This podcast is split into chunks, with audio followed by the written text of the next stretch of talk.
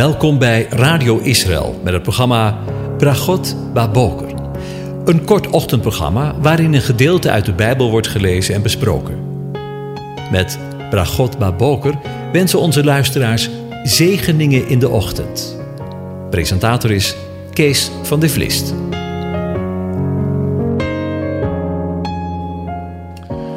Goedemorgen, Bokatov, beste luisteraars. Ook vanmorgen denken we opnieuw na, en dat voor de twintigste keer, over Psalm 132. En ik lees u het gedeelte vanaf vers 11 tot en met het eind. De aanwezige heeft David op zijn gebed in het voorgaande gedeelte in waarheid gezworen en daar zal hij niet afwijken.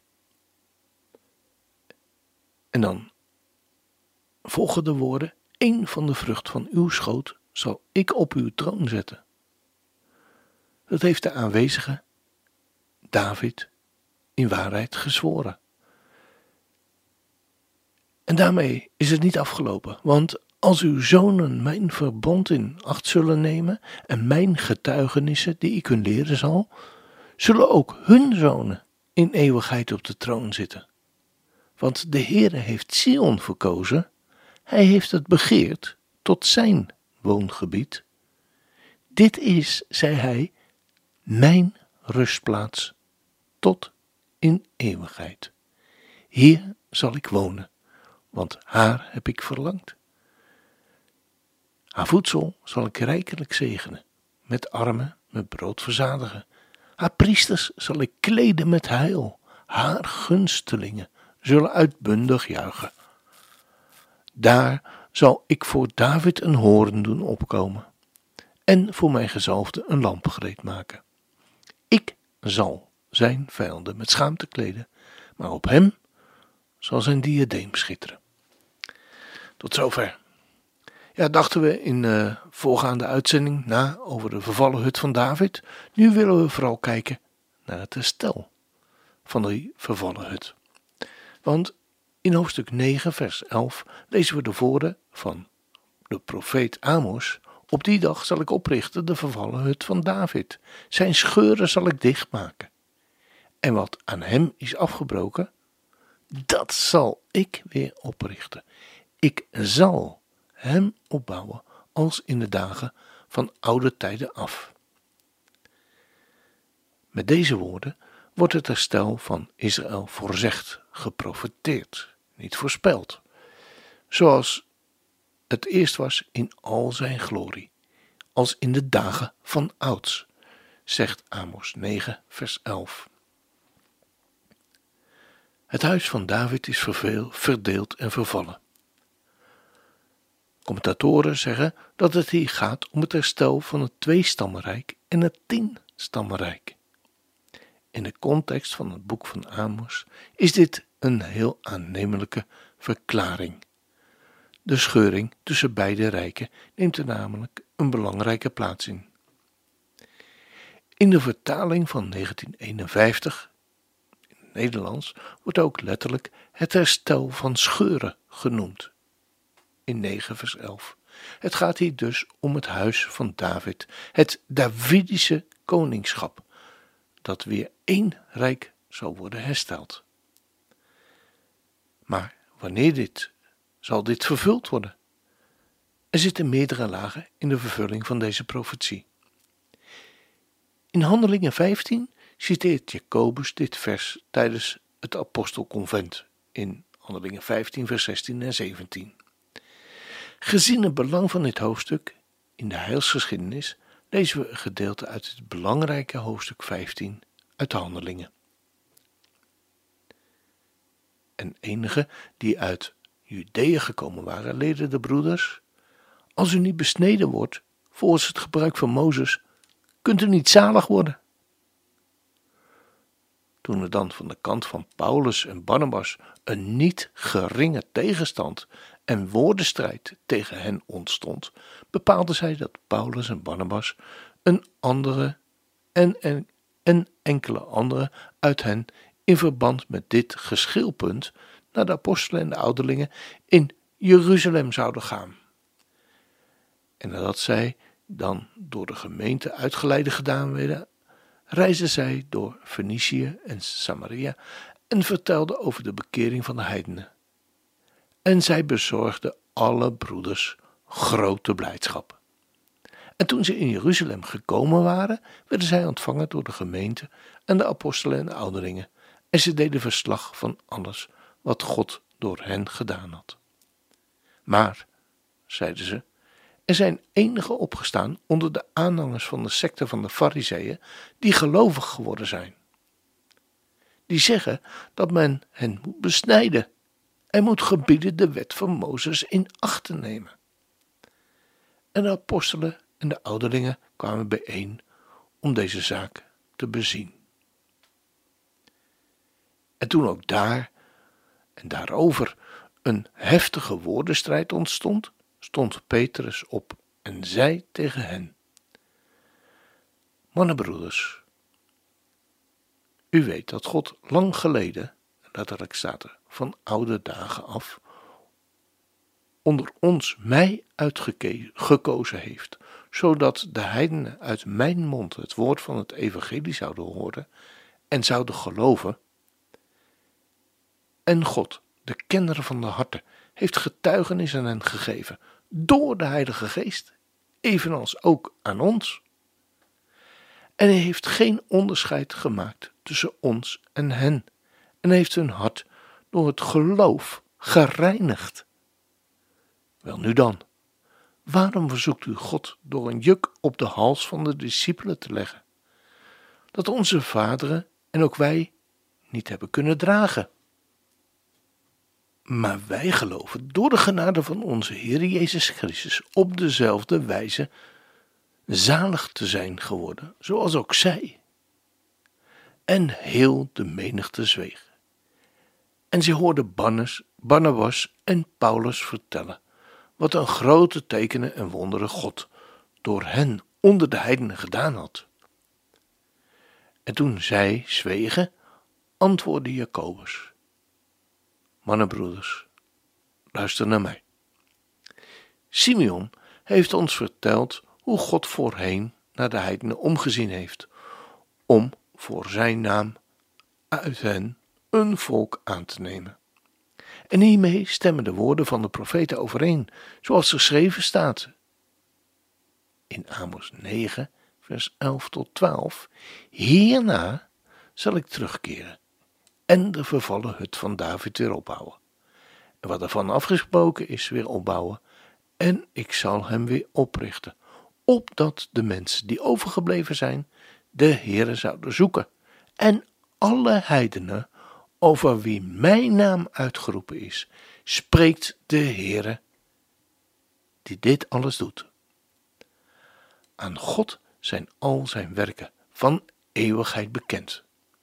Daarom ben ik van oordeel dat men hun, die zich uit de heidenen tot God bekeren, niet lastig moet maken, maar aan hen moet schrijven dat zij zich dienen te onthouden van de dingen die door de afgoden besmet zijn, van ontucht, van het verstikte en van bloed. Tot zover. Hierin zien we dus dat Petrus een toespraak houdt naar aanleiding van het feit dat het evangelie ook naar de heidenen gegaan is en zij de Heilige Geest ontvangen hadden. En dat notabene zonder besnijdenis. En het onderhouden van de wet van Mozes. Hoe kan dat? Petrus had het wel erg bond gemaakt door zelfs te beweren dat de Joden op dezelfde wijze behouden moesten worden dat de heidenen. In vers 11. Dan volgt de verklaring van Jacobus hoe God van meet af aan erop bedacht geweest is een volk voor zijn naam uit de heidenen te vergaderen, zoals we lazen in vers 14. Vervolgens koppelt Jacobus dit aan de profetie van Amos. Hij legt hier zijn hand op deze belofte. Hij ziet in Christus, in de Messias, de vervulling van het herstel van het Davidisch koningschap maar daaraan voorafgaand het ontstaan van een gemeente van gelovigen. Het heil is niet alleen voor Israël, maar voor de hele mensheid, lezen we in vers 17. Let hier op het verschil in woordkeus. Jacobus zegt niet zoals Amos te dien dagen, maar zegt na deze. Er is hier dus sprake van een volgorde. God vergadert zich een volk uit de heidenen. Zoals we zien in vers 14. Daarna komt hij terug om de vervallen hut van David weder op te bouwen. Dus weer op te bouwen. Lezen we in vers 16. Met als gevolg dat het overige deel van de mensen de Heere zoeken. Lezen we in vers 17.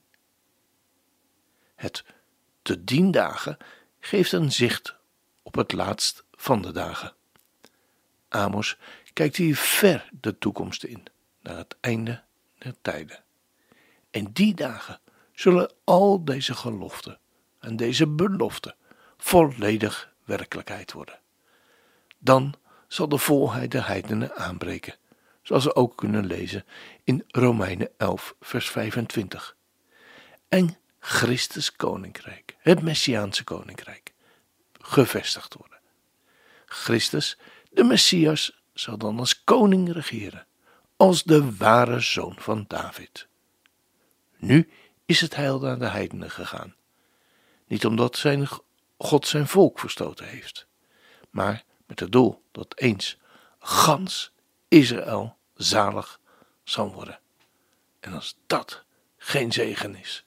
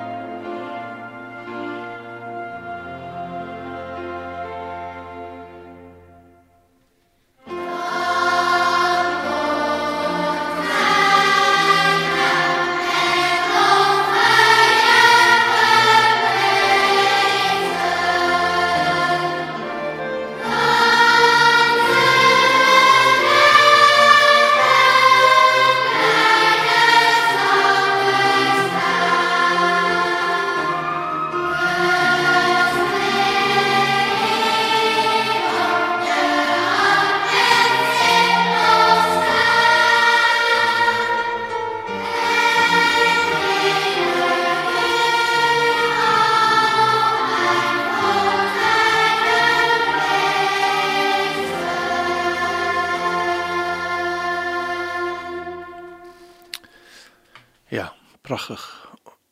Geweldige woorden. Geweldige beloften. En wat een geweldige stemmetjes. Ja, als je die kinderstemmen dit hoort zingen, dan. Uh, ja, ik weet niet wat het met u doet, maar mij ontroert het. Uit die jonge kinderstemmen al uh, deze woorden gezongen mogen worden.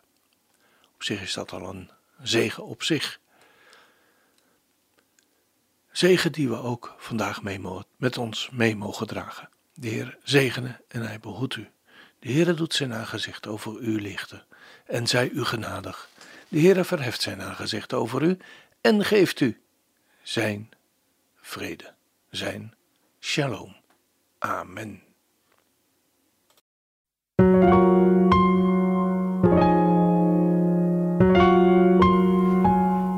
U hebt geluisterd naar het programma Bragot Baboker. Een kort ochtendprogramma waarin een gedeelte uit de Bijbel wordt gelezen en besproken. Wilt u het programma nog eens naluisteren, dan kan dat.